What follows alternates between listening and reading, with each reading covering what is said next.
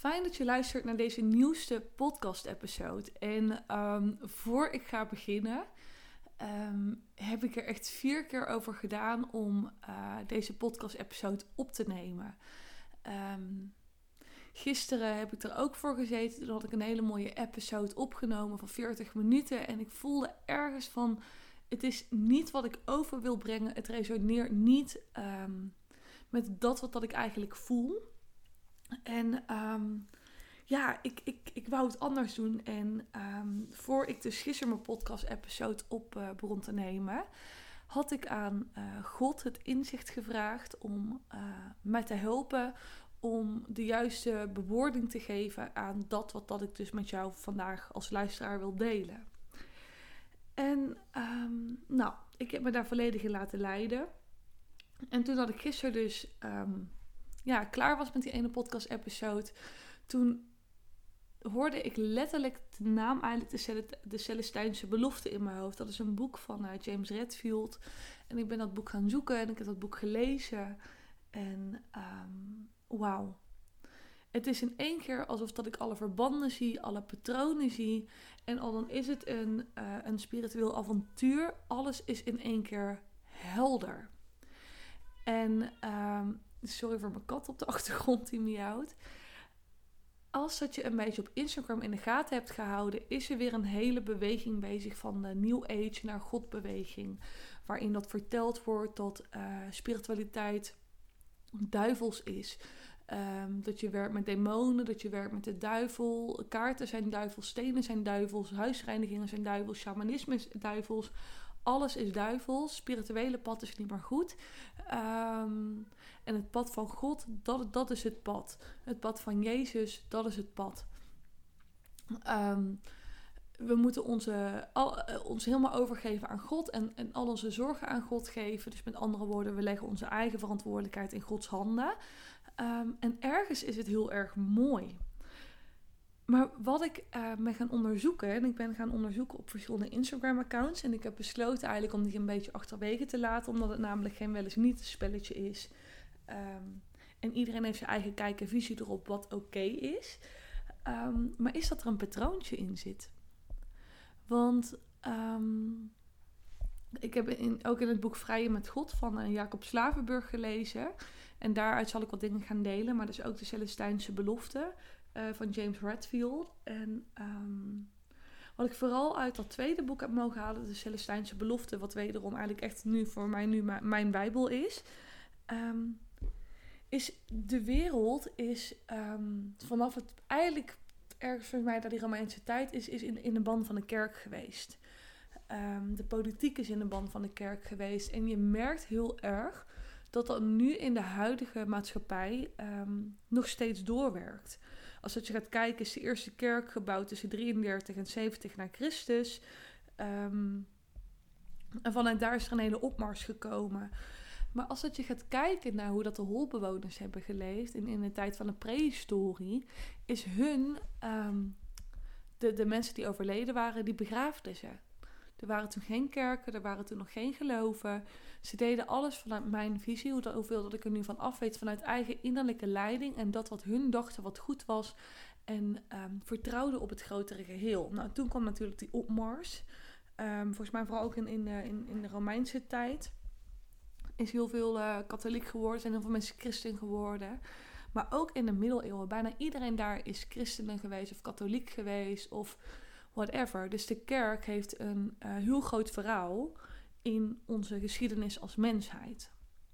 Dit werkt dan ook natuurlijk collectief door.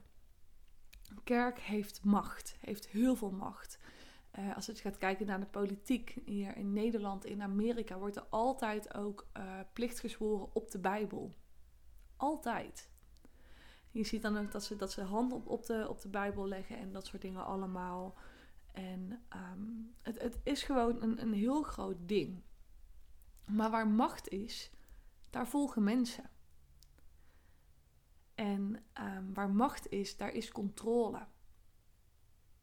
En als dat je die twee dingen hebt, dan kom je uiteindelijk ook op een stukje manipulatie uit. En als dat die manipulatie nu gezond is of niet, het gebeurt. Als dat je gaat kijken ook naar de geschiedenis, is er een heksenvervolging geweest tussen het jaar 1450 en 1750. Daar zijn echt onwijs veel executies geweest, van uh, brandstapels tot verdrinkingen. Um, ehm, 80% van daar toen de tijd bij de heksenvervolging zijn vrouwen die, die geëxecuteerd zijn. Dus er zit ook een hele diepe collectieve pijn op. Nou, waarom werden deze mensen geëxecuteerd, of deze heksen, hè, dat ze dat noemen, is omdat ze een andere beweging hadden dan de kerk. En als dat je gaat kijken naar, hè, naar wat er gebeurt, iedereen hier op aarde die een andere beweging heeft, die een andere geloofsovertuiging heeft of een andere religie heeft, die een andere kijk heeft op uh, leven of situaties die gaande zijn, die worden um, gevangen gezet, die worden verbannen, die worden gelukkig niet meer zo snel geëxecuteerd, maar die worden wel um, gecensuurd. Hè? Dus wanneer dat er dan tussen aanhalingstekens valse info over verspreid wordt, dan uh, wordt dan eigenlijk het zwijgen opgelegd. En dat is die manipulatie die gaande is. Nou, als je gaat kijken vanuit de godsdienst, want daar wil ik het eigenlijk even deze podcast over hebben, is dat godsdienst bestaat uit twee woorden: God en dienst. Nou, wat houdt dat nu in? Hè? God, God is dienstbaar naar de mens en in ruil is de mens dienstbaar naar God. Wil je daar nog verder in gaan kijken? Wie of wat is God dan eigenlijk? Hè? We kennen meerdere goden. Hè? Voor de ene is het God uit de Bijbel, voor de, voor de andere is het Allah uit de Koran. Uh, we hebben Shiva, Krishna heet er eentje geloof ik. Volgens zijn die vanuit het Hindoeïsme. Uh, we hebben Zeus, we hebben de godin Athena. Maar als dat je in wezen gaat kijken, is God slechts een projectie vanuit de mens op een hoger wezen, um, op wie de mens een hoop, verlangen en vrees projecteert. Waardoor dat het makkelijker is om dus je eigen ding um, uit handen te geven dit zal dan ook niet gaan stoppen. Er, hè, er is nu, wordt er, zoals ik net al vertelde, wordt het echt, uh, spiritualiteit wordt bestempeld met het label duivels. En dat kan allemaal niet. En mediteren is duivels, want je laat energieën toe. Maar dit komt slechts vanuit een overtuiging en vanuit een trigger en vanuit eigen ervaring van deze mensen zelf. De Bijbel is dan ook geschreven door de kerk, dus het is geschreven door de mensheid. Uh, wellicht door al die eerste priesters. Dus al, hè, de eerste Bijbel weet ik niet. Maar al die nieuwe Bijbels zijn herschreven, herdrukt. Um, er is gewoon heel veel in veranderd. Dus de puurheid die dat er ooit in heeft gezeten, die lijkt er nu in één klap vanaf te zijn. Je moet je houden aan dat pad. En um, wat ik in de Celestijnse belofte zo onwijs mooi vind. Um, en dat ga ik heel eventjes er, uh, erbij zoeken is, ze hebben het daar over manuscripten. Hè? Er is een manuscript ontdekt in uh, Peru. En daar zit het eigenlijk al met wanneer dat ze vragen: hè, want steunt de kerk het manuscript? Nee. Um, het grootste gedeelte van de, van de clerus het manuscript met man en macht proberen ze te onderdrukken. En daarom uh, wil dan die priester op het begin van het verhaal niet vertellen hoe dat hij heette uiteindelijk in dat verhaal is die priester ook afgemaakt door het leger, wat geleid werd door een van die hoofdpriesters uit die kerk. Ehm, omdat het namelijk geen enkel kerkelijk principe ondermijnt, maar gewoon nauwkeurig verklaart wat met die spirituele waarheden wordt bedoeld. Dus er zit een hele grote collectieve angst onder dat wanneer dat wij als mens evolueren en ehm, gaan kijken in termen van energie en het universum of de kosmos, ehm, in plaats van naar God, verdwijnt de macht, verdwijnt de controle, verdwijnt de manipulatie. Ontstaat er een stukje wat dat ik altijd het, het wakker worden noem. Ehm, en daar zit heel veel angst op. Wat gebeurt er nu in het collectief? het is heel mooi, want voor mijn gevoel gebeurt het iedere twee jaar. Twee jaar geleden ehm, was deze beweging van Nieuw Age naar God ook gaan. Ik had een paar vriendinnen die gingen mee in deze beweging. Ik werd voor alle vieze, gore vis uitgemaakt toen. Ehm, nou, vanuit dat oogpunt ehm, heb ik daar toen heel veel moeite mee gehad. Hè? In mijn vorige eh, podcast heb ik verteld dat er toen een poort opengezet is, waardoor dat een demonische slang mij vastgreep en ik dat pas wegkreeg met echt lang douchen en licht om me heen zetten. Maar dat, die beweging was toen al gaande. Wat er toen ook gaande was, is dat er weer een opmars kwam een ehm, verandering, een transformatie. En dat er meer mensen bij kwamen die hun uh, hoop en hun vertrouwen vestigden in de kosmos. Die aan het groeien waren in de spiritualiteit. Nu heeft dat twee jaar gesudderd. En nu zijn we twee jaar later en gebeurt het weer. Spiritualiteit krijgt ze opmars, is aan het groeien. Meer mensen die gaan naar, naar het spirituele kijken. Um, en ineens bekeren zich allemaal mensen weer naar het christendom en wordt er weer gezegd van uh, spiritualiteit is duivels, dit en dat. Dus er zit een patroontje in. Wat ik daarin ook ontdekt heb en um, gezien heb, is dat op het moment dat er een hogere opmars komt in die spiritualiteit, dat er weer filmpjes verspreid gaan worden en uh, meer mensen bespreekbaar gaan maken hoe duivels het is om daarmee bezig te zijn. Uh, hoe slechte energie dat je binnenlaat. Dus er wordt ergens een zaadje van angst geplant. En als het nou vanuit het christendom of de kerk komt of vanuit iets anders, maakt niet uit. Um, nou, er wordt een zaadje voor angst geplant, waardoor mensen aan zichzelf gaan twijfelen en dan denken hè, van nee, oké, spiritualiteit, new age, allemaal licht en liefde, klopt allemaal niet. Klopt, het leven is niet licht en liefde, daar ben ik het volledig mee eens. Um, ik ben het er ook mee eens dat heel veel mensen aan spiritual bypassing doen. Dus van plantmedicijn, uh, plantmedicijn ceremonie hier naar daar, naar een leap of een kapsessie gaan. Uh, weer een reading komen doen, weer van de ene healing naar de andere schieten. Allemaal spiritual bypassing, allemaal spirituele coping om niet bij je vraagstukken te komen. Maar wat dat me opvalt, is dat bij de mensen die bekeerd zijn nog met hele interne pijnstukken zaten. Van het innerlijke kind, van het trauma, van het vroeger, noem maar op. En daar waar spiritualiteit hun uh, niet de antwoorden misschien heeft gegeven wat dat ze zochten, of het een leegtrok, of ze daarvan in een, in een burn-out kwamen, kwamen er in één keer mensen vanuit het christendom op hun pad die vertelden hoe slecht dat ze bezig waren met die dingen en daardoor kwam die omschakeling. Nou, ga je dit um, uitstippelen en analyseren, wilt het zeggen dat ze niet sterk genoeg in de schoenen hebben gestaan. En dat zeg ik niet nu om met vingertjes uh, te gaan wijzen. Hè, om, te zeggen wat hun, of om te zeggen wat hun gedaan hebben, dat is fout. Want dat is absoluut niet wat ik hiermee bedoel.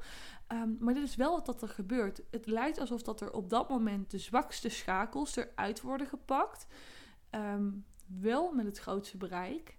Die die omslag gaan maken, die zich gaan laten bekeren en zo de rest erin meetrekken, waardoor dat eigenlijk die spirituele opmars die bezig is, dus hè, het, het verruimen van het bewustzijn van de mens. Het verruimen van hé, hey, er is misschien meer dan een godsdienst. Um, of er is meer dan God. Er is nog een kosmos. Er is een universum. Het is groter. Maar dat wordt dan weer um, afgeschaald. En als je dat gaat onderzoeken, is het heel erg interessant van waar komt dit nu um, eigenlijk vandaan? En hoe gaat het nu eigenlijk in zijn werk? Nou, dit is denk ik dan ook een dingetje waar dat je nooit 100% achter gaat kunnen komen. Um, maar wat dat je wel merkt, en dat is altijd al, en dat is wat Jacob uh, Slavenburg ook beschrijft, is dat de ene gemeenschap zich meerdere malen tegen de andere gemeenschap keert. Dus de christenen tegen de joden, of de christenen tegen de moslims, of de christenen tegen de spirituele um, mensen. De Joden tegen de christenen of tegen de moslims. En de moslims tegen de hindoes en tegen het spirituele en andersom weer. Terwijl als dat je gaat kijken, zou je kunnen zeggen dat de spiritualiteit een vertakking is van daar waar alle geloven in samenkomen.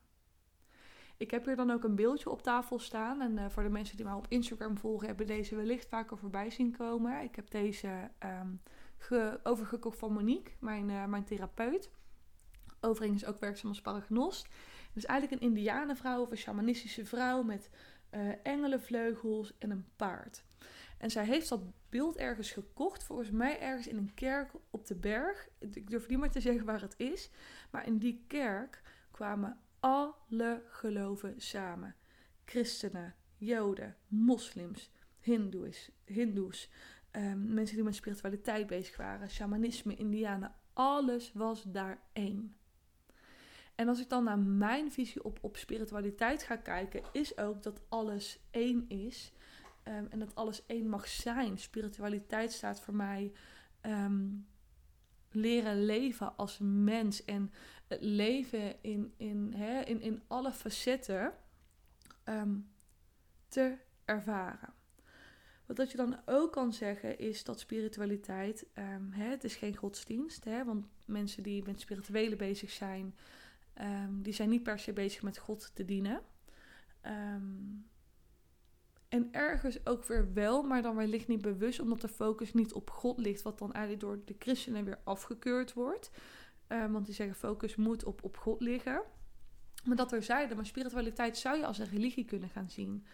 Want als je gaat kijken naar religie, komt dat eigenlijk van het Latijnse woord religio. En van religio komt het woord religare. En religare betekent herverbinding. En vandaar dat dat ook kan kloppen, dat spiritualiteit voor mij eigenlijk hè, een ding is waar alle vertakkingen van alle geloven samenkomen. Omdat herverbinding letterlijk betekent je verbinden met de oerbron. En de ene zal de oerbron God noemen, maar dat hoeft niet per se. Dat is niet nodig en het wordt wel zo neergezet. En dit is dan ook een lange nasleep van daar waar dat de kerk ooit heel veel macht heeft gehad. En eigenlijk nu in heel deze uh, maatschappij nog steeds. Want als mens zijnde zul je altijd ehm, op zoek zijn naar antwoorden op vragen die voor jou essentieel zijn. Vragen als wie ben ik? Waar kom ik vandaan? Wat is de zin van mijn bestaan hier?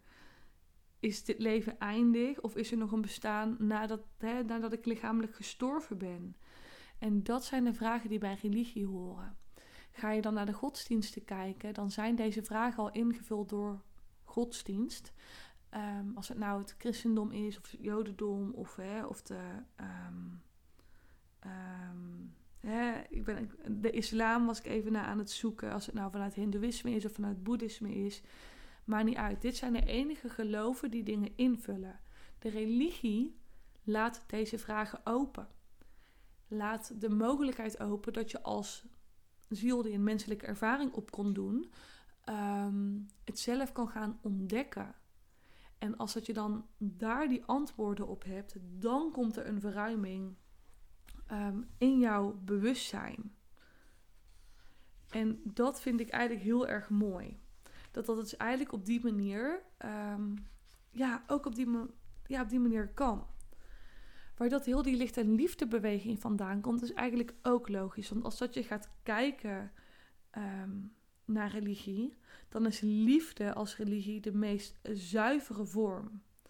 En um, dat is daar ook weer een vertakking van. Uiteindelijk is iedereen op zoek naar dat licht en die liefde in zichzelf, maar we projecteren het naar de buitenwereld, waardoor dat we heel erg um, naar buiten gericht zijn. En wat ergens ook normaal is, want als dat je gaat kijken nu naar deze huidige maatschappij, is ook alles naar buiten gericht. Je moet fulltime werken, je bent bezig met anderen. Um, je mag geen rust nemen, je hebt maar zoveel weken vakantie. Um, je, moet op, hè, je moet luisteren naar, naar je baas. Je bent continu extern bezig, waardoor dat je eigenlijk een beetje ook de connectie binnen in jezelf um, verliest. En dan wordt er heel makkelijk gezegd: oké, nou geef het maar het handen. Um, en we geven het aan God. Maar in principe, hè, wat ik vaker ook benoem, is: we weten het niet. We weten het gewoon niet. Um, maar wat we wel weten is dat die hunkering zit op die vragen die dat we eigenlijk hebben en waar dat we al heel lang um, ja, mee rondlopen. En daar mag je ook eens voor jezelf bij gaan nadenken van, hè, maar hoe um, komt dat nou? Als je gaat kijken, ook voor de 17e, voor de 17e eeuw, waren er astronomen die onomstotelijk vastgesteld hebben dat de zon en de sterren zich niet rond de aarde bewogen zoals dat de kerk dat beweerde. Hè. Dus in de geschiedenis heeft de kerk vanuit, hè, met die dat de Bijbel geschreven heeft en met het christendom bezig is geweest, hebben ze dat gezegd. Toen later ontdekten astronomen dat de aarde maar een kleine planeet is rond een kleine zon uh, in een melkwegstelsel die miljarden van dat soort sterren bevatten. Je kan je beseffen dat toen dat deze ontdekking gedaan werd, dat dit met het collectief heeft gedaan. Want de mens is op deze manier um, zijn plaats in het middelpunt van Gods universum kwijtgeraakt doordat dat besef kwam. En alles wat ooit vanzelfsprekend was, moest opnieuw gedefinieerd worden. En dan ging het vooral om de aard van God en de verhouding tot God. Tot God. Maar dat besef, dat begint dus eigenlijk in de moderne tijd, in de tijd waar we nu in leven. En dat is het mooie. Dus daar is op collectief uh, gebied heel veel in, in, in geshift. Daar is heel veel angst om, uh, om ontstaan. Maar goed, als dat je gaat kijken dat, um, er heel veel macht is geweest vanuit de kerk, dan wordt het nu eigenlijk ook al logisch waarom dat ze die macht terug proberen te pakken nu op deze manier. En dit is iets wat altijd zal blijven. En wat het van jou vraagt is om sterk in je schoenen blijven te staan. De verantwoordelijkheid bij jezelf te houden. En hoe hard dat er ook geroepen wordt nu door ehm, hè, mensen die, die, die bekeerd zijn van ja. En uh, in de spiritualiteit roep je altijd dat je altijd maar meer moet helen. En noem maar op. En dieper moet gaan. Nou ja, in principe is dit ook zo. Want stel je nou eens voor, je hebt geen godsdienst, je hebt geen religie, je gelooft niet in spiritualiteit, je bent volgens mij tot een atheïst, je gelooft nergens in. Ook dan ben je bezig met continu uh, transformeren van jezelf, continu als een slang die oude huid afwerpen, die trauma's op te lossen en aan te pakken, om vervolgens die betere versie van jezelf te worden. En als ziel kom je naar aarde, je hebt een zielencontract. Sommige dingen zoals lessen, die staan gewoon al vast en die heb je hier te leren. En um, ja, in, in mijn wereld en hoe ik er naar kijk, is dat um, ook het puntje wat nu gaan, is dat dat daar ook bij hoort. En dan kan je jezelf een paar vragen stellen. Hè, van goh, wat is spiritualiteit eigenlijk voor mij? Wat heeft spiritualiteit mij gebracht? resoneert de New Age beweging, waar dat iedereen het over heeft, met dat wat ik voel? En voel ik mij daar onderdeel van of voel ik mij daar geen onderdeel van? Al die practices die verteld worden, en dan heb ik het wel over, over gurus, hè, want er zijn eenmaal gurus die ook zeggen van hè, je moet dit en je moet dat en je moet manifesteren en je moet zus en je moet zo. Um, blijf daarbij bij jezelf. Dat is eigenlijk hetzelfde prediken wat um, ik altijd vind dat Jehovah-getuigen doen, of priesters of whatever, is ehm, iets opdringen, iets opleggen. Maar blijf bij jezelf. Mediteren, journalen, yoga, edelstenen, kaartlezingen, healing zijn allemaal heel erg mooi. Ehm, maar het zijn slechts tools die je in kan zetten. Het harde werk hoor je zelf te doen. Je hebt zelf die verantwoordelijkheid te dragen over jouw stukken. Dus durf daarin ook te reflecteren Ehm, op jezelf. Want als dat je dat ja, niet doet, dan blijft het ook alsmaar buiten jezelf leggen. Dus blijf vooral voelen, voelen, voelen en nog eens voelen. Als dat je weet dat meditatie niet de oplossing is, yoga niet de oplossing is slechts, en slechts een hulpmiddel is, als journalen niet de oplossing is, wat ontbreekt er dan ehm, om nog dieper te gaan? Waar mag je heen? Waar mag je het oplossen? En hoe kan je weer contact maken met dat goddelijke in jezelf? We zijn namelijk allemaal kinderen van God. En um, als je nou atheïst bent of niet, hè, we komen allemaal uit dezelfde bron. Als ziel zijn daar zijn we ontstaan. Uh, we zijn niet meer of minder dan elkaar. Al wordt, uh, wordt er beweerd dat je alleen kind van God bent op het moment dat je gedoopt bent. Um, of bekeerd bent of whatever. Uh, we zijn allemaal kinderen van God. Maar ga eens eerlijk naar jezelf reflecteren van goh. Doe ik aan spiritual bypassing? Doe ik aan, aan uh, Christian bypassing? Um, of ben ik in lijn met mijn ziel en met mijn zielspad en met dat wat ik voel? Ben ik in lijn met mezelf? En daar zit ook zo een enorm groot verschil in. Dus wat ik je dan ook wil meegeven is: um, laat je niet gek maken. En de ene heeft godsdienst, dat is prima. En die kiezen voor om dienstbaar te zijn aan God. En daar zijn er haar leven volledig aan toe te wijden. De ander kiest voor spiritualiteit, wat ook prima is. En al wordt daarover beweerd dat, hè, dat er vals licht is en dat de duivel in een ander jasje komt. Ehm, laat me je dit vertellen. Ik heb genoeg ervaringen met de duivels en met demonische wezens gehad. Ehm, en hier hoor je in de volgende podcast-episode ga ik daar meer en verder op in. Het enige wat ik erover wil zeggen is dat die wezens en de duivel en de demonische wezens uh, groeien op angst. En ze weten dat angst macht is. Zelfs dat de kerk dat weet en de politiek dat weet. En, en die hogere mensen weten aan de top van die piramide, die weten dat angst macht is. Dus die hebben geen vrees. Die hoeven zich niet uh, in een mooie jasje te, te, te, verhullen. Want die weten dat als dat ze binnen kunnen komen bij een zwakke schakel, dat ze daar echt wel binnenkomen. En dat is het enige wat ik in ieder geval voor nu even over die duivel en die demonische wezens wil vertellen. Maar weet dat het niet in een ander jasje verschuilt. Dan als dat ze willen dat, hè, dat ze, ze, willen gezien worden. Punt. En uh, nou ja, vanuit mijn eigen ervaring heb ik daar meer dan genoeg voldoende mee. En daar kom ik later ook op terug. Um, maar goed, als dat je ook een andere religie hebt of whatever, weet dat alles oké is. En um, het raakt nu ook een collectieve pijn, omdat het eigenlijk een beetje weer lijkt op die heksenvervolging. Alleen zijn op dit moment social media platformen zoals Instagram uh, de brandstapel. Waarop iedereen gevuurd wordt die met dit soort uh, praktijken in hun ogen bezig zijn. Um, maar blijf bij je kern en blijf voelen en blijf luisteren daarna. En ja, laat je niet aan het twijfelen brengen. Ik denk dat dit echt gewoon een hele grote les is voor heel het collectief weer. Um, en ga maar eens op het patroon letten. Daar waar spiritualiteit gaat groeien, gaat er ook weer een tegenbeweging komen. En als je dat patroontje door hebt en je gaat dat kunnen zien, dan gaat het vanzelf helder voor je worden. En met dit wil ik dan ook deze podcast-episode voor vandaag gaan afsluiten. Uh, mocht je vragen hebben, stuur me dan even een berichtje op Instagram. Daar kun je me vinden onder @meertepellemans. Um, ja, en bedankt voor het luisteren. En tot de volgende podcast-episode. Doei doei!